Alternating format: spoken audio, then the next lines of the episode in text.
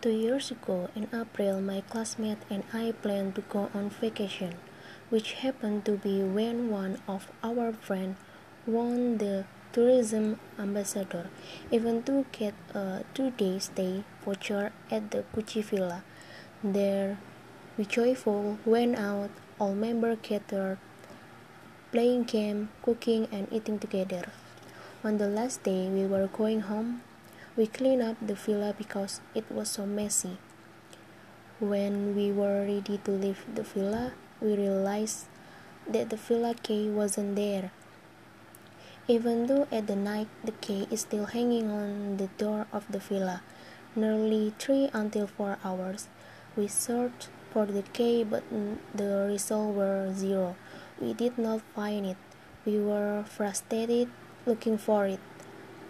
Finally, we decided to meet the owner the villa to say that the key the villa was gone and compensation about 100,000 but we were very happy and enjoyed that the moment togetherness.